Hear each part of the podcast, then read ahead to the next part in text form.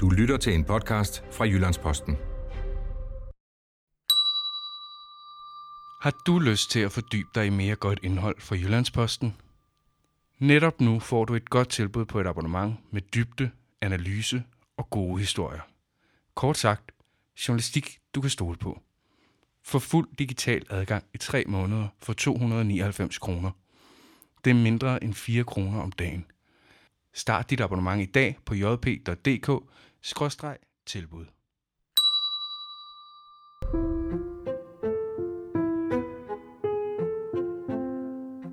Velkommen til Jalving ser rødt, som er en podcast, hvor jeg sammen med en lang række gæster retter blikket mod den borgerlige idékrise.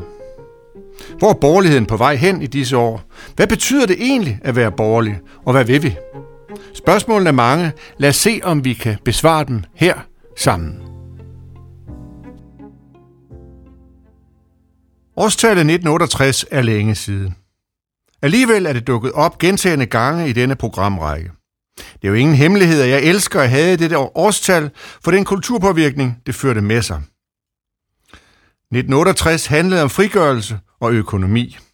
68'erne ville befri mennesker fra økonomiens og profitens fængsel. Men da markedsøkonomien ikke lige var sådan at aflive, altså ikke i Vesteuropa og USA, slog 68'erne sig på kulturen. Marxisterne blev kulturmarxister, og først der fik de for alvor succes og vandt over de borgerlige idéer, og forvandlede os til selvrealiserende hipster og byliberale åbenhedsprofeter med hang til fri sex, progressiv terapi, yoga, mindfulness, skilsmisser, færre eller lavere kundskaber, dårlig opdragelse, mere og mere velfærdsstat og hastig indvandring fra eksotiske lande. Flere af mine gæster har kritiseret 68'ernes kulturpåvirkning. Men hvor kom idéerne fra? Og hvorfor sejrede de egentlig? Og hvem er i dag 68'ernes aftagere? Sig mig engang, begyndte den borgerlige idékrise, som jeg jo har sat mig for at undersøge i den her programrække, allerede for 50 år siden? Ja, eller for 100 år siden? Hvad kan hjælpe os ud af den? Kan vi få det ordentlige og myndige borgerlige menneske tilbage, herunder heroisme, ridderlighed, offervilje og nationalfølelse? Det skal vi diskutere i dag. Sammen med mine to gæster. Velkommen i det ene ringørende til dig, Anne-Marie Vestergaard. Tak. Du er underviser, foredragsholder og en hel del andet. Velkommen til. Tak. Også et varmt velkommen til dig, Henrik Jensen. Tak. Historiker, kommentator ved Jyllandsposten, som lytterne måske vil vide, og bogaktuel med noget af en krabat, som jeg står med her. Efter Gud hedder den, med undertitlen Det 20. århundredes fortabte generationer og meningsløsheden. Slam. altså Henrik, du er nødt til lige at øh, forklare den der titel, Efter Gud. Ja, Hvad hentyder du til? Hvornår døde Gud, hvis man kan spørge på den ja måde? det, er jo, det er jo det. Altså, det kan jo godt være svært så, at, at blive enige om. Uh, han døde meget langsomt, tror jeg. men, men jeg har, altså, jeg opererer med, med den forskning. Det har jeg gjort uh, i, i, i mange år, uh, siden jeg skrev bogen uh, Offers århundrede for 20 år siden at det faktisk var Første Verdenskrig, der for alvor sådan slog, slog ham om kul. Altså, alle ved jo, at, at øh, eller mange ved jo, at, vi, at Nietzsche øh, snakkede om Guds død allerede for øh, i 1870'erne, så øh, det kan jo godt være lidt besynderligt så at sige, at han først døde i, i, i 14 til 18, men, men, men, men det Nietzsche sagde, var jo faktisk noget, han sagde til sig selv stort set. Der var jo ikke rigtig nogen, der læste ham. Øh, det har vi gjort siden, med god grund, men altså dengang, der var det, der var det ham selv, og så Georg Brandes, der, der hørte efter. Ikke? Og, øh, men for folk som flest, så tror jeg faktisk, at, at Første Verdenskrig ligesom hamrede sømmet helt i. Altså, og at øh, det, det samfund, vi fik bagefter, og de generationer, vi fik bagefter, ja, de har altså øh, måtte leve, eller skulle finde ud af at leve i et samfund, hvor der ikke er den der forestilling om noget deroppe, der ligesom indrammer, hvad vi går og laver hernede. Fordi det, det er jo det lidt det, det handler om, den, denne vertikalitet. Altså den, den, den måske nok så vage forestilling om, at der er et forsyn, som faktisk dominerede meget øh, det almindelige billede i, i, i, i det 19. århundrede, øh, hvor, hvor, der, hvor der var meget øh, frem ad banen, fremskridt og industrialisering osv., men der var stadigvæk den der forestilling om, at der var noget deroppe, der indrammede det og gav det mening hvad det så end var. Men, men øh, med Første Verdenskrig, der, der, der, der, der kollapsede det der. Og, og, og de gener- det, der jeg synes, der var interessant, det var, at de generationer, der så har været i det 20. århundrede, jamen de skulle prøve at finde ud af, hvordan finder man mening i tilværelsen, når der nu ikke er den der fælles mening, man kan abonnere på. Og der har jo været rigtig mange bud på det. Ikke? Altså, der har været øh, de ideologiske generationer der i mellemkrigstiden, og, ja, og efterkrigstidens øh, sådan mm-hmm. 68 generationer og så Mhm. videre. Ikke? Som vi jo skal tale om, Ja, specielt i dag, men, men det er jo en bog om det 20. århundrede. Ja. Det, er jo, det er jo 100 år i hvert fald. Ja. Men det er som om, at øh, det 20. århundrede starter i 1914, Ja. eller hvordan? Ja, ja. Altså, man kan jo sige, øh, det, det- starter med Første Verdenskrig, men øh, om, om, om, om, om det starter med 18, er måske i virkeligheden mm. øh, mere mm, sådan en bedre, bedre datering, fordi altså, på mange måder er 1914 øh, udtryk for det 19. århundrede, ikke? fordi det var der, hvor, hvor øh, nationernes konkurrence pludselig udløste en, en, en krig. Ikke? øh, og som var, som var totalt ødelæggende. Og så sad man i 1918 der på gulvet, ikke? Og, og skulle finde ud af, hvad så? Mm-hmm. Så det, det er for mig at se meget der, det starter. Så det, kan man sige det på den måde, at det er skyttegraven, skyttegravskrigen, Ja. døden i skyttegraven, Ja, der, ja. der, der indvarsler det, Ja. det, det 20. århundrede. Ja, det synes jeg. Altså for mig er den der død i skyttegraven noget, der er parallelt med holocaust. Og, og udryddelseslejre. Det, det, det er jo, altså på en At måde er det jo øh, nyt for nogle lyttere måske at høre, fordi vi tænker, når vi siger krig, så tænker vi altid på 2. verdenskrig. Ja. Vi snakker altid om Hitler. Ja. På en eller anden måde kommer med alle politiske samtaler til at handle om Hitler. Ja, Ja. Øh, men det, det, det første verdenskrig er altså faktisk mere betydningsfuld, siger Ja, det er den altså. Og Hitler er en følgebegivenhed. Ikke? Altså Hitler var med i 14. Og Hitler drømte hele sin, sin karriere om at genskabe ånden fra 1914 i Tyskland. Denne nationalistiske ånd. Altså, så det er første verdenskrig, der ligesom er begivenheden, og så kommer alle de andre ting derefter, ikke? Russiske revolution, og Hitler, og øh, Mussolini, og Stalin, og bla bla bla. De kommer bare... Den ene ulykke efter den Ja, det er det. Mm. Øh, og, og det stopper så øh, umiddelbart i 1945. Ikke? Men, men øh, man kan jo anlægge den betragtning, at det ikke er stoppet. Altså, at vi stadigvæk ligesom løber ind i, i ulykker. Og måske er 68 også en slags ulykke på den måde. Mm. I hvert fald en slags katastrofe, et, et vendepunkt. Mm. Det skal vi komme tilbage til, men for lige at afrunde underrubrikken også, altså de fortabte generationer og meningsløsheden. Ja. Hvad er det for nogle generationer, der var fortabte? Altså- er det din, eller er det Nej, min? Eller? det, det, er, det er jo faktisk et, noget, man kalder den generation, der kom ud af Første Verdenskrig, altså Hemingways generation. Han, han lancerede begrebet i, i en bog, en roman, han skrev i, i 20'erne, der hed øh, solen går sin gang. Han brugte det som motto. Øh, i, altså dette med at tilhøre en, en fortabt generation. Øh, Og det, det, er jo det er så blevet hængende, fordi, fordi det, det, det, det er jo ikke bare sådan, at der døde 10 millioner unge mænd i Første Verdenskrig. Øh, Der var 20 millioner, der blev ødelagt af den, ikke? Og, og, og, og hvad hedder det, de, de, øh, resten af dem var rundt på gulvet, for at sige det som det er.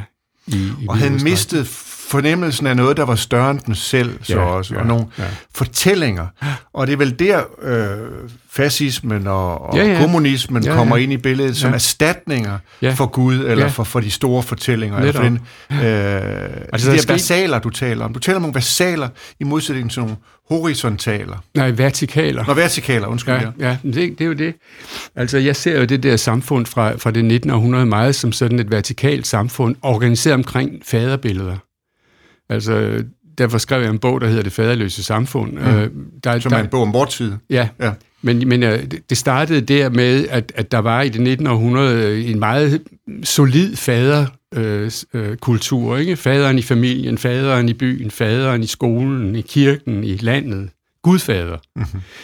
Det var sådan en trappestige nærmest ikke? Øh, af, af- af fædre, som faldt sammen med Første Verdenskrig og som på, på en eller anden måde så efterlod et vakuum, ved jeg våge at påstå, i de øh, gener- unge, yngre generationer. Fordi hvis man er opdraget med så meget fader og så meget autoritet, og det så pludselig forsvinder, så er der simpelthen et vakuum i hovedet på folk. Ikke? Og det suger ind. Altså, i mellemkrigstiden sugede det nye fædre ind, og det er derfor, at det er interessant, at sådan nogle figurer som Hitler og Stalin og Mussolini opstår, fordi de repræsenterer jo en slags egalitær utopi men ikke desto mindre, så er de en slags erstatningsfædre, øh, som, som på en eller anden måde altså bliver suget ind i det hul, der er, der er opstået i de der øh, menneskers hoveder.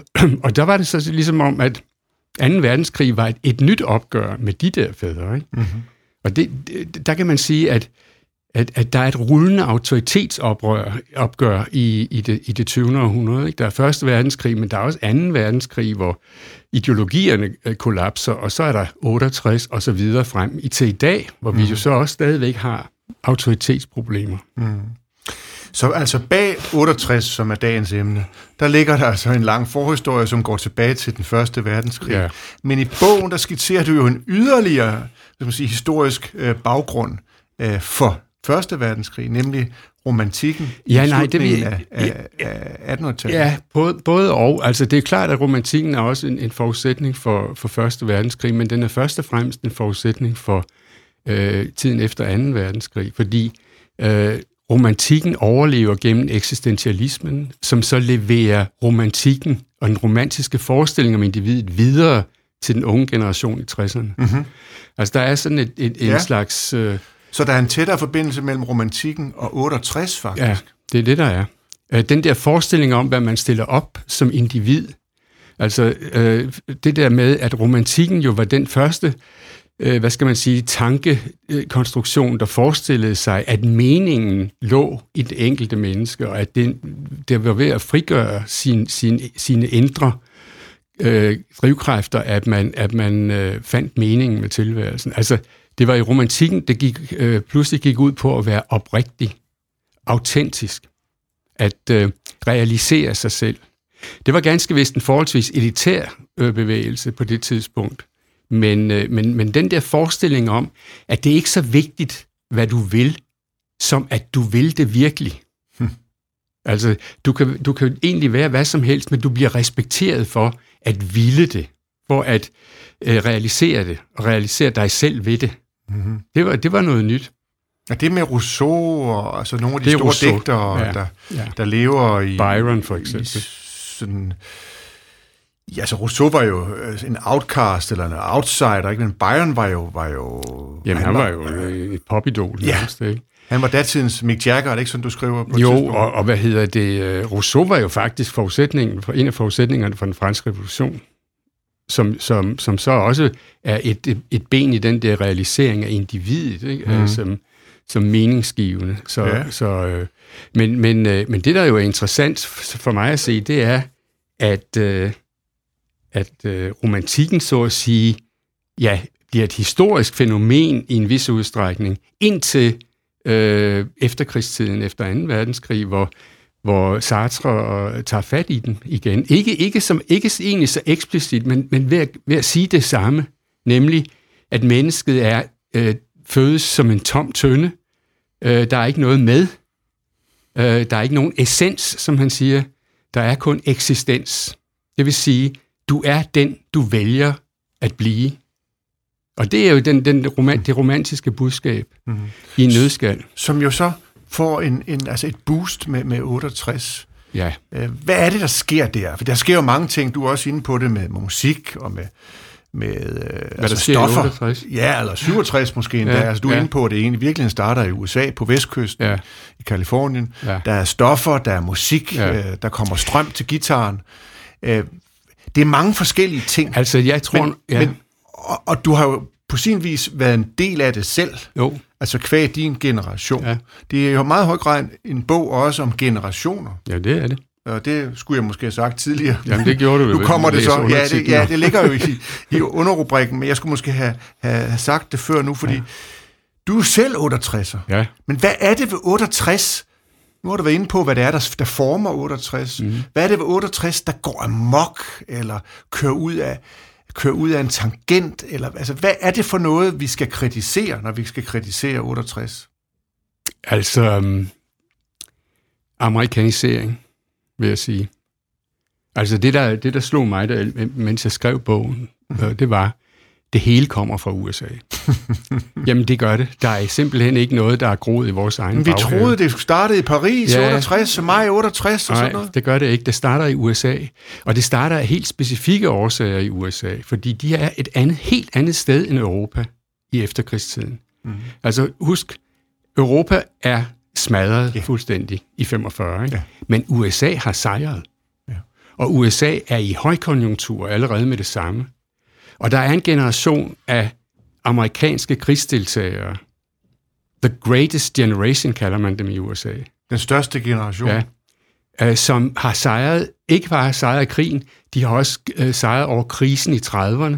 De har simpelthen gjort alt, og det er den generation, de unge står overfor i 60'erne.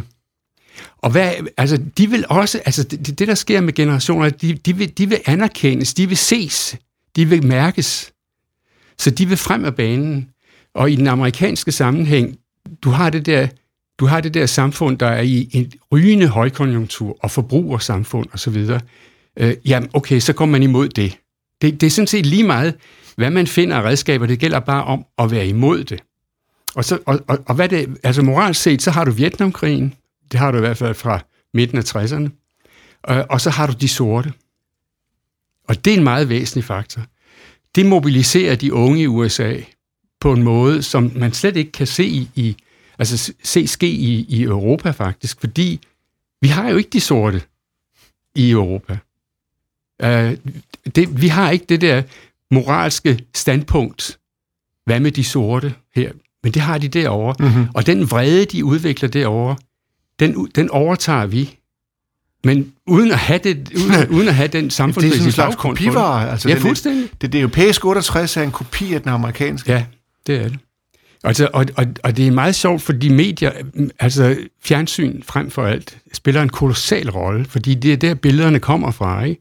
Alle sidder i, i, også i Europa og ser på Martin Luther Kings øh, forsøg på at skabe en, en øh, lighed mellem sorte og hvide derovre, og hvad der sker i Vietnam, og alle de der ting, det kommer ind, det kommer ind som billeder øh, gennem fjernsyn, og det er jo noget helt nyt.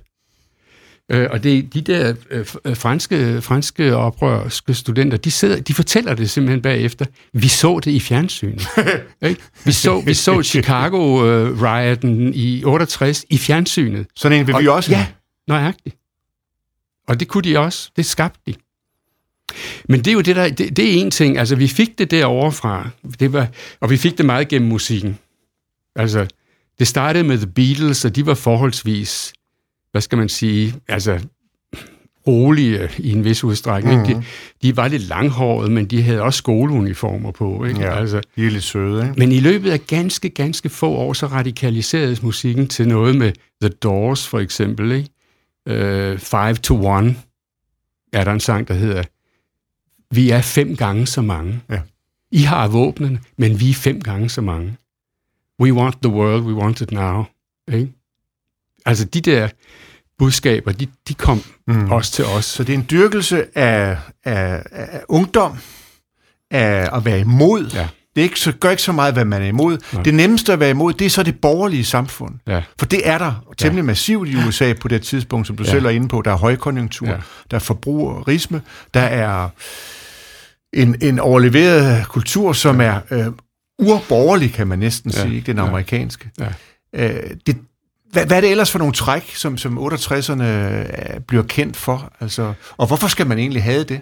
Altså, det, jeg tror, man kan, det gør jeg i hvert fald i bogen, øh, dele det op i, at der er to tendenser, der er, som jeg, som jeg øh, øh, ser ud fra øh, Køstlers bog, eller Køstlers artikel om yogien og kommissæren. Mm-hmm. Altså, der er et politisk, en politisk tendens i det, som øh, man forbinder med kommissærbilledet, ikke? Ja. som tænker, der skal revolution til, mm. for, fordi det, øh, altså, der er ikke nogen, altså, man kan ikke kurere noget. Samfundet er sygt. så, ja. Ja.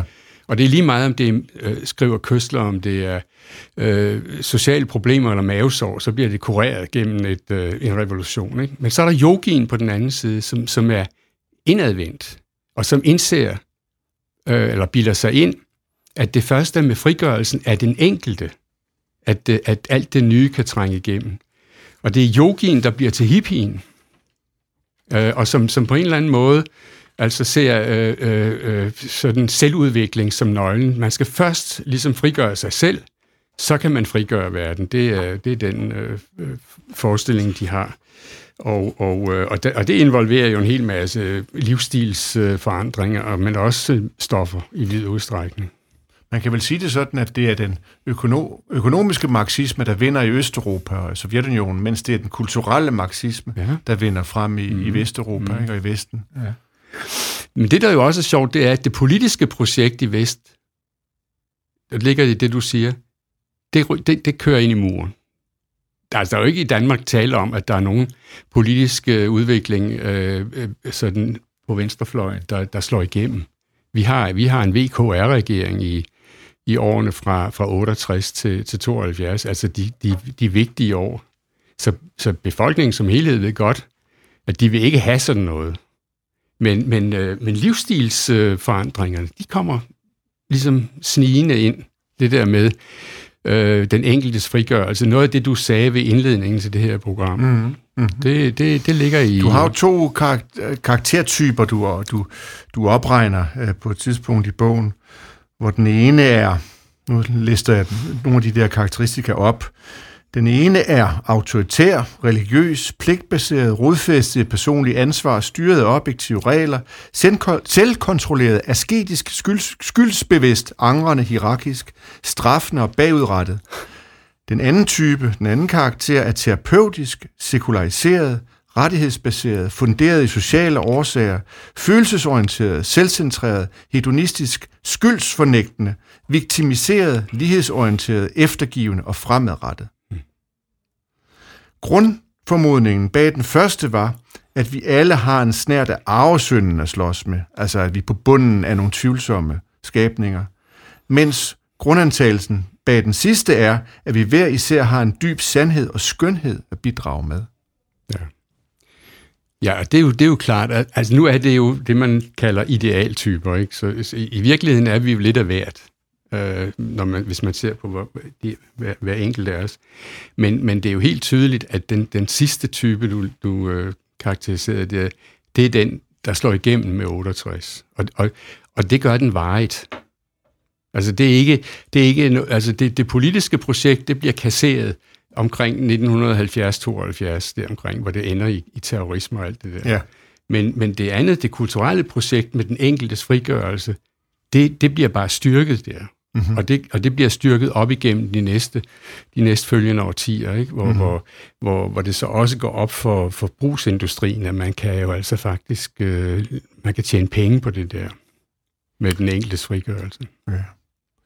Anne-Marie Vestergaard, det var jo en, et, et længere bagtæppe historisk og, og idealtypisk og alt muligt andet. Øh, men vi skal tale om 68, hvad der, hvad der var fuldt det efter. Vi skal prøve ligesom at ramme det ind, for nu har vi kritiseret det så meget, og så er der en anledning til at, øh, at stoppe op og sige, hvad er det egentlig 68 var for noget?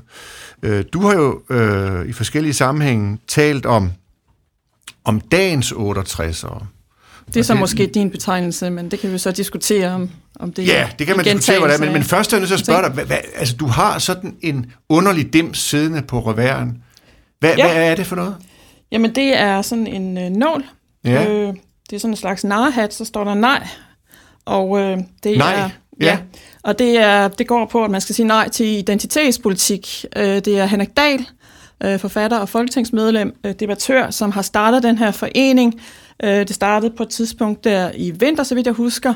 Og øh, så kunne man så bestille, hvis man gerne vil være medlem, bestille sådan en nål. Så, det er en nej-hat? Ja, simpelthen man skal sige nej til identitetspolitik. Øh, men altså hele det her corona, den her coronakrise har ligesom taget opmærksomheden fra, fra den her forening, og jeg ved så heller ikke, øh, Henrik har måske også sådan lidt lige sat det lidt okay, i bero. Men nu men har altså, du i hvert fald slået et lille ja. slag for, for nej-hatten. Ja. Men, men når jeg spørger, så er, det måske, så er det også fordi, der måske ligger en lille pointe i en nej-hat. Altså siger ja. du nej til 68?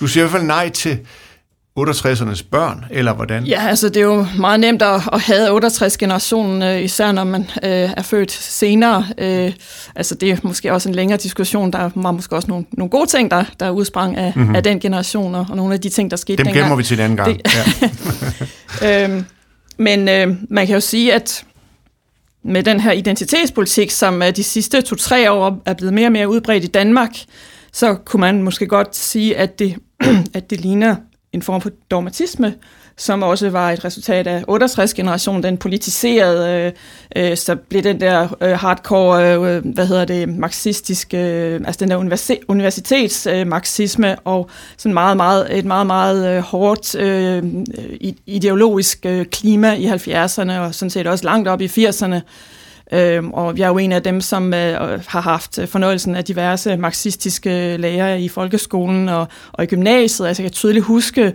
øh, i slutningen af 70'erne, starten af 80'erne, altså hvor politiseret øh, også undervisningsverdenen var. Øh, øh, det er ikke, ikke på grund af min dansk lærer, at, at jeg kom til at studere litteraturhistorie og filosofi. Det er lidt på trods af ham, fordi vi skulle oplære os i at, at skrive, altså når vi skrev dansk stil, så skulle der være sådan øh, ideologi, ideologi, ideologikritik, øh, altså af alle mulige tekster, og også nogle gange reklamer og triviallitteratur osv. Mm-hmm.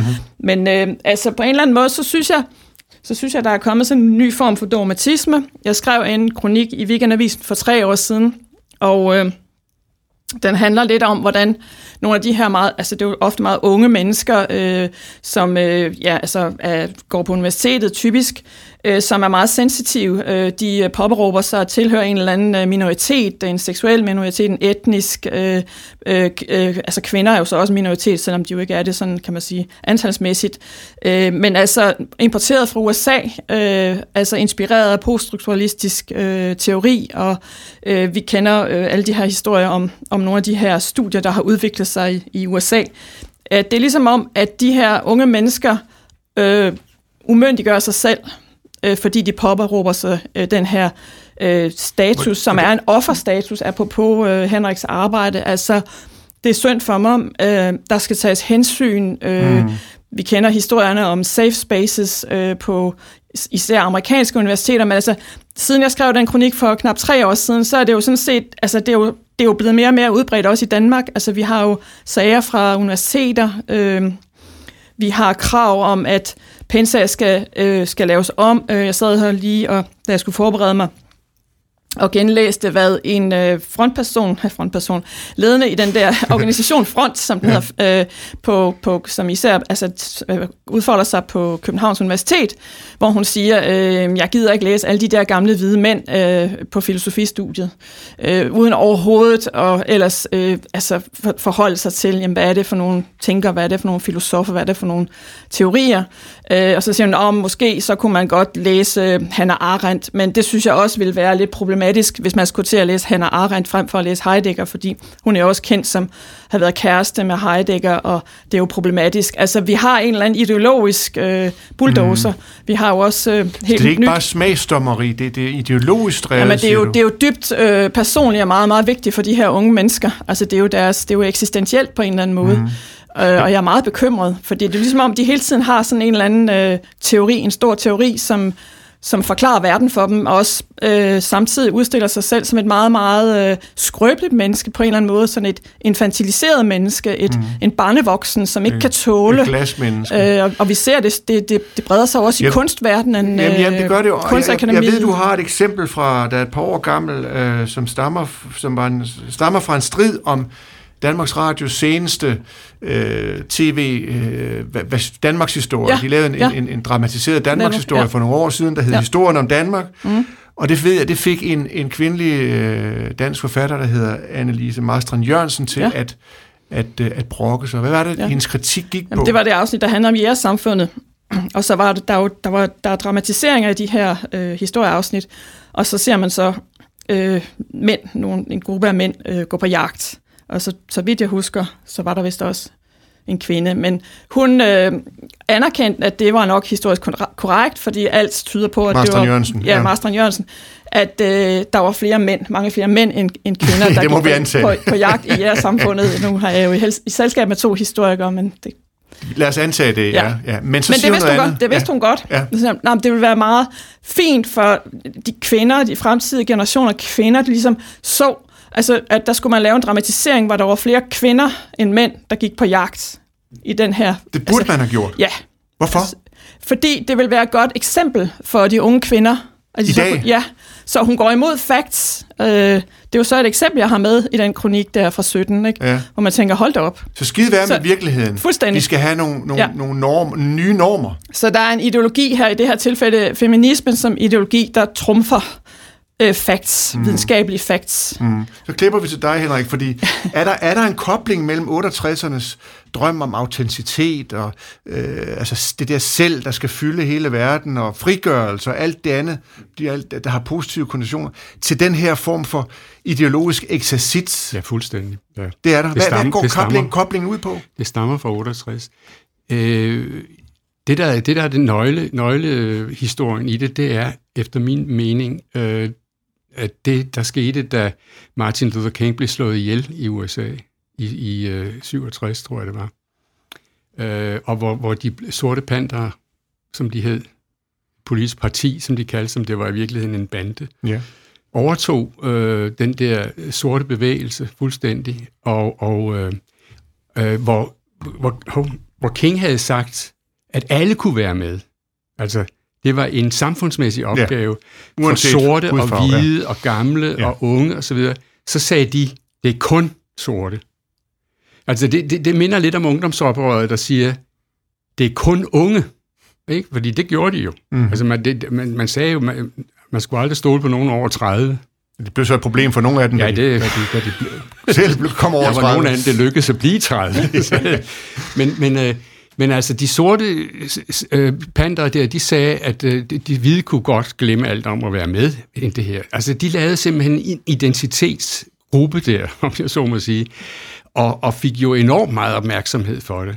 Og den øh, holdning, altså, og, og, og, de, og det viser sig jo også på universiteterne for eksempel, i 68, der gik jo, altså for eksempel øh, på visse universiteter, der fik de sorte lov til at bevæbne sig på universitetet, Okay, det vidste fordi jeg de var forfulgt. Mm-hmm. Så, så hvad hedder det, øh, altså de, de, det blev en distinkt identitetsgruppe, mm. og, og deres mønster, deres, øh, deres øh, strategi blev overtaget af, de så, af, de, af, af kvinder, homoseksuelle, etniske grupper osv.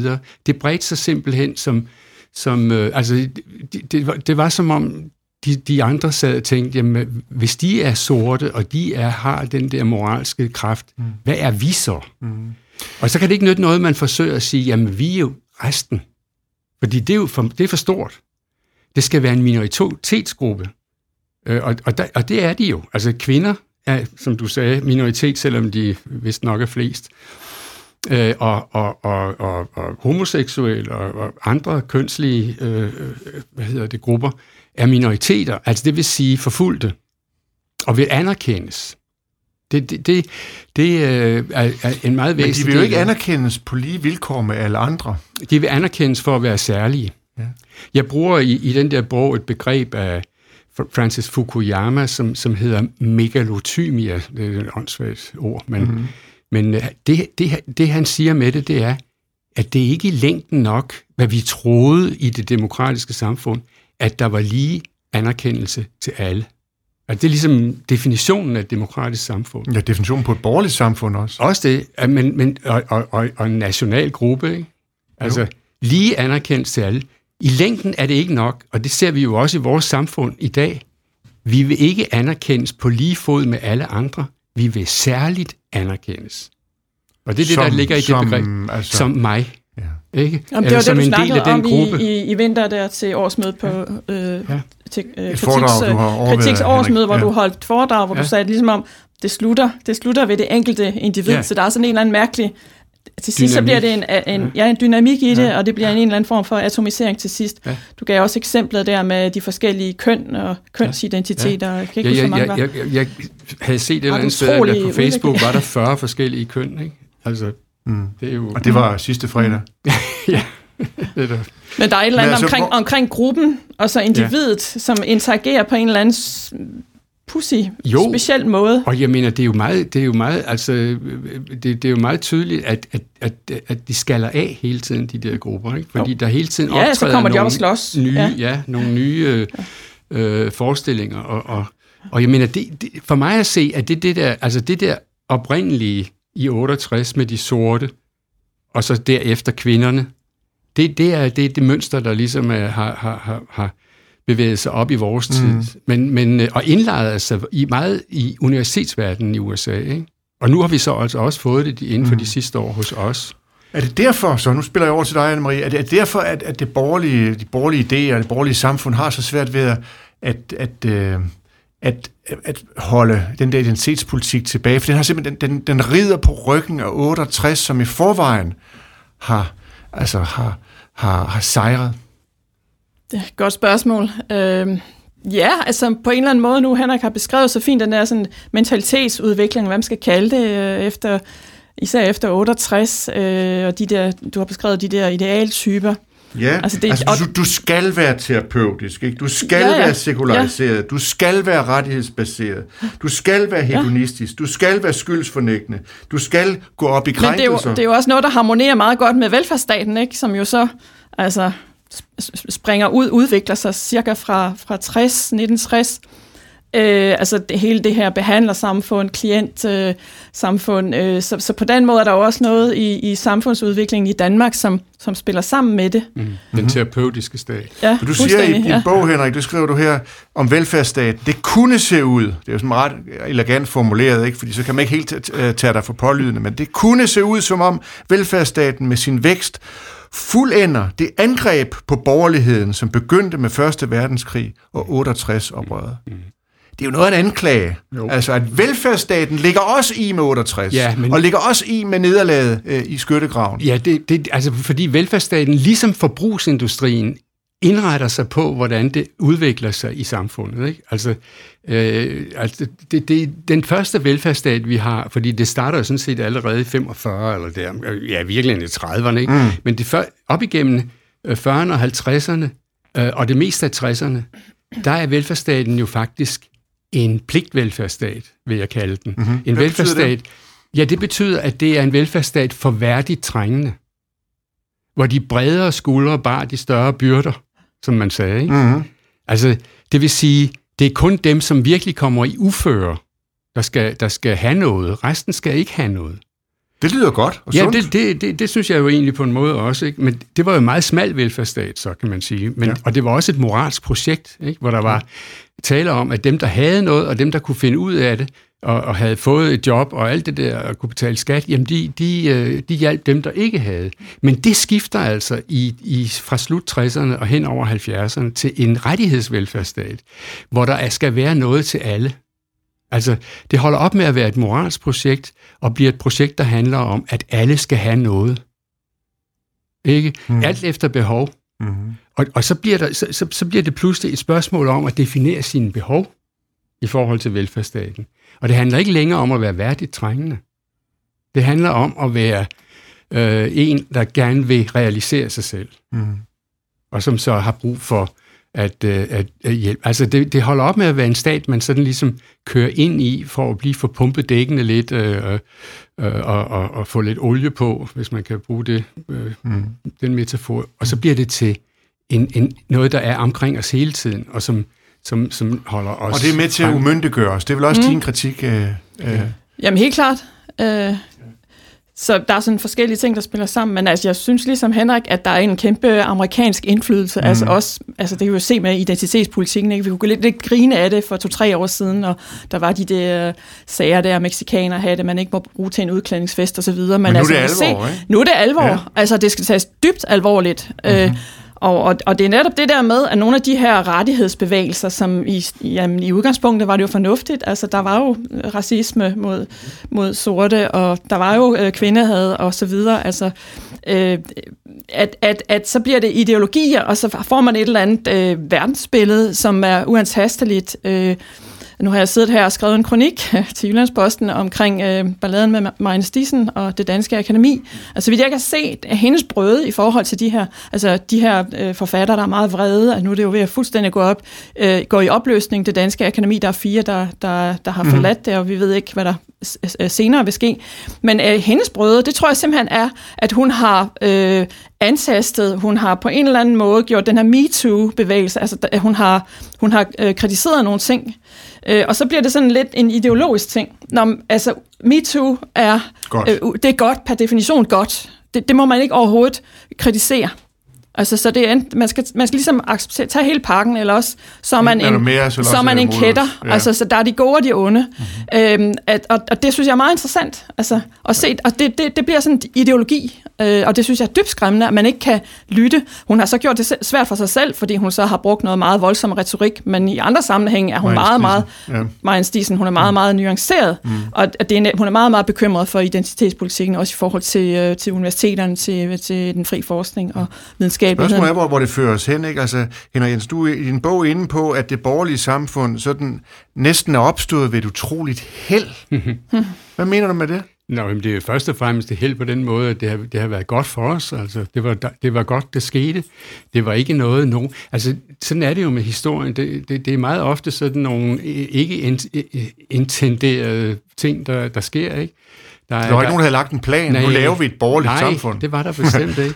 Men, men der var altså... Der var altså øh, det, lykkedes altså gennem øh, almindelig økonomisk udvikling og, og udvikling af handel og den slags, plus øh, øh, politiske reformer, at, at skabe et samfund, som øh, var baseret på, øh, ja, som det hed, frihed, lighed og broderskab til en vis øh, grad. Ikke? Mm-hmm. Øh, og og, øh, og det, det øh, skabte en rig verden. Punktum. Mhm.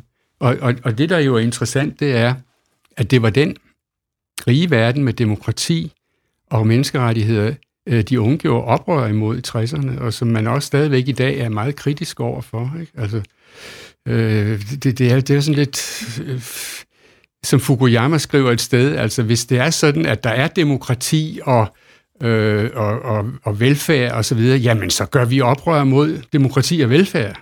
Ikke? Altså, Mm. det, var, det var tanken dengang. At det, var, det handlede mere om at manifestere sig selv, end egentlig om at have en idé om, hvilket samfund, der skulle komme ud af det.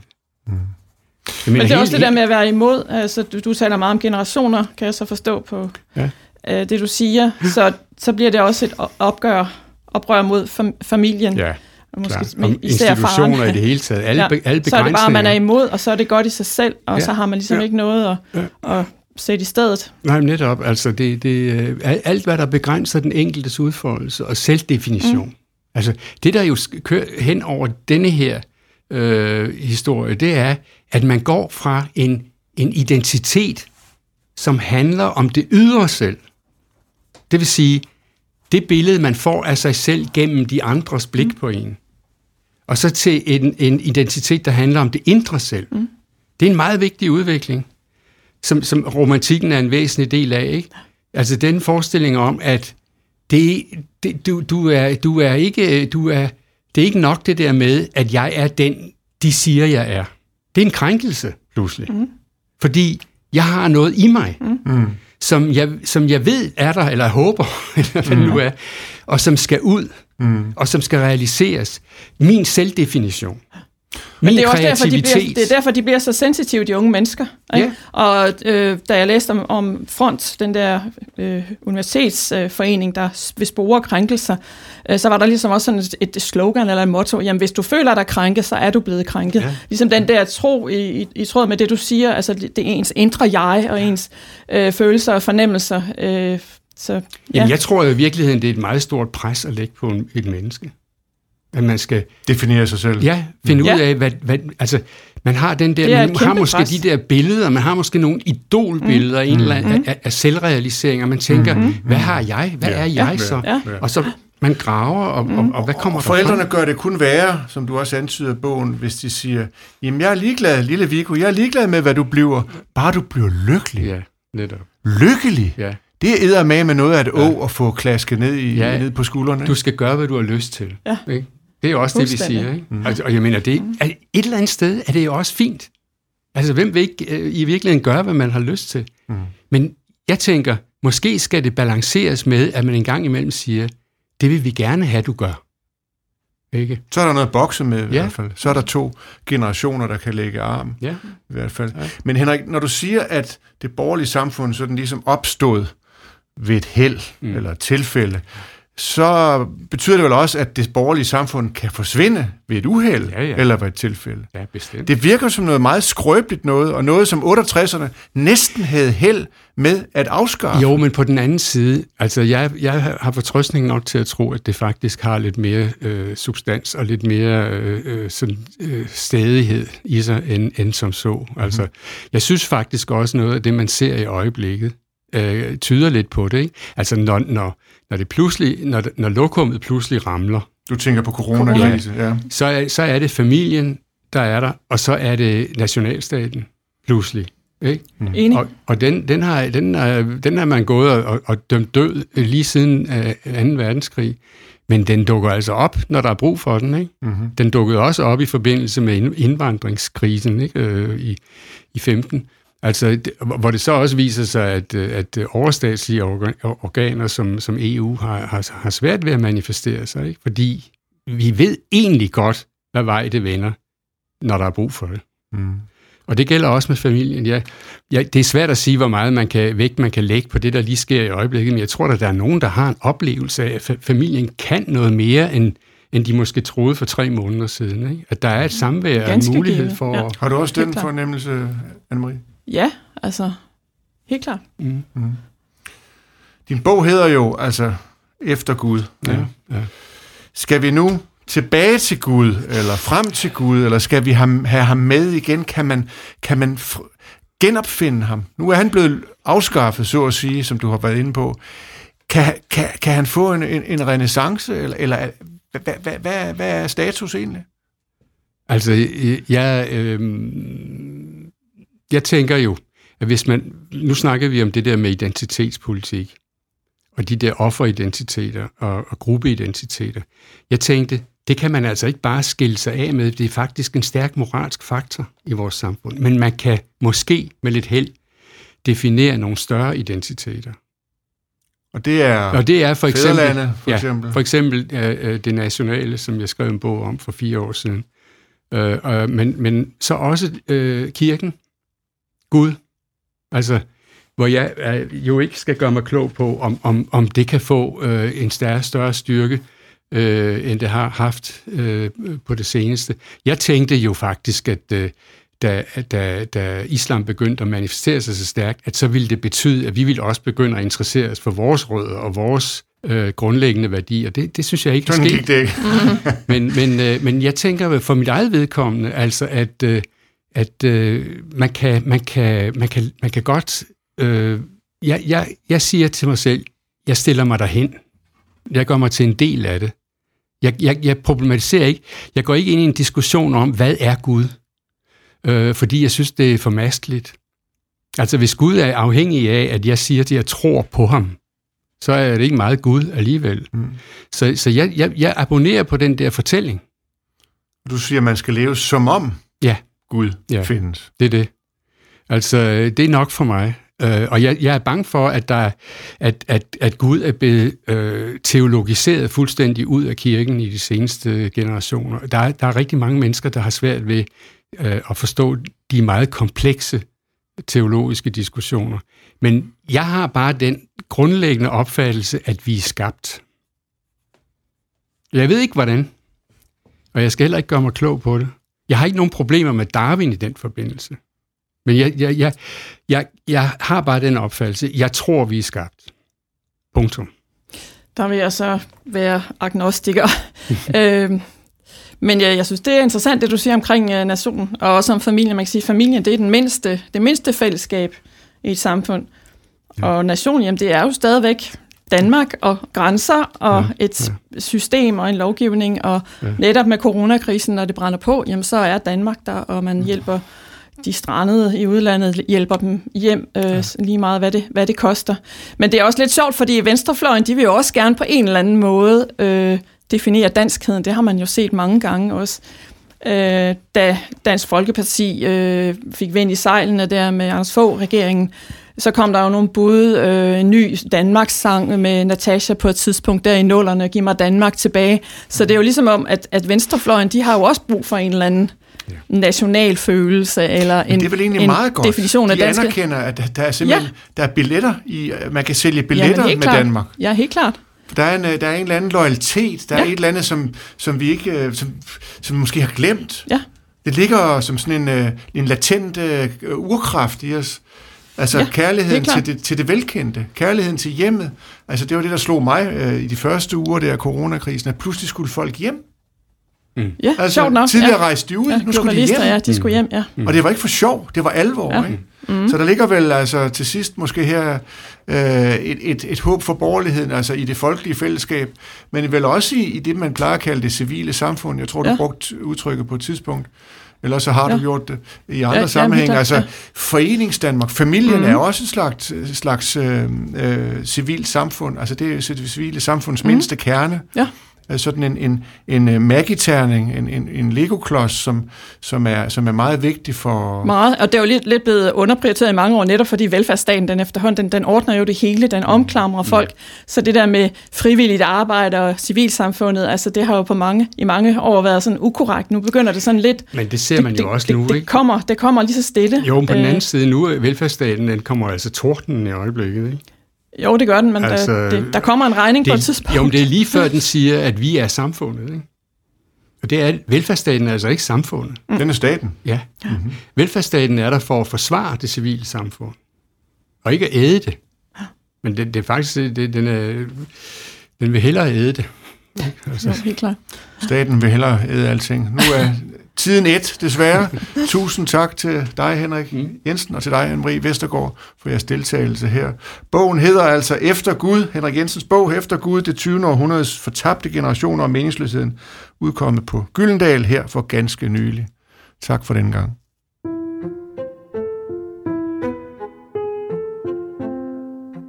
Således faldt ordene i denne udgave Jalving ser rødt. Mit navn er Michael Jalving, og jeg ser rødt fra morgen til aften, og derfor inviterer jeg gæster i studiet for at finde ud af, om der også er grund til det. Vi taler om politik, vi taler om moral, og vi taler om det borgerlige Danmark, eller hvad der egentlig er tilbage af det. Lyt med næste gang. Du finder podcasten på Jyllandsposten.dk's podcast-sektion, i iTunes, Spotify, eller hvor du ellers plejer at lytte til podcasts.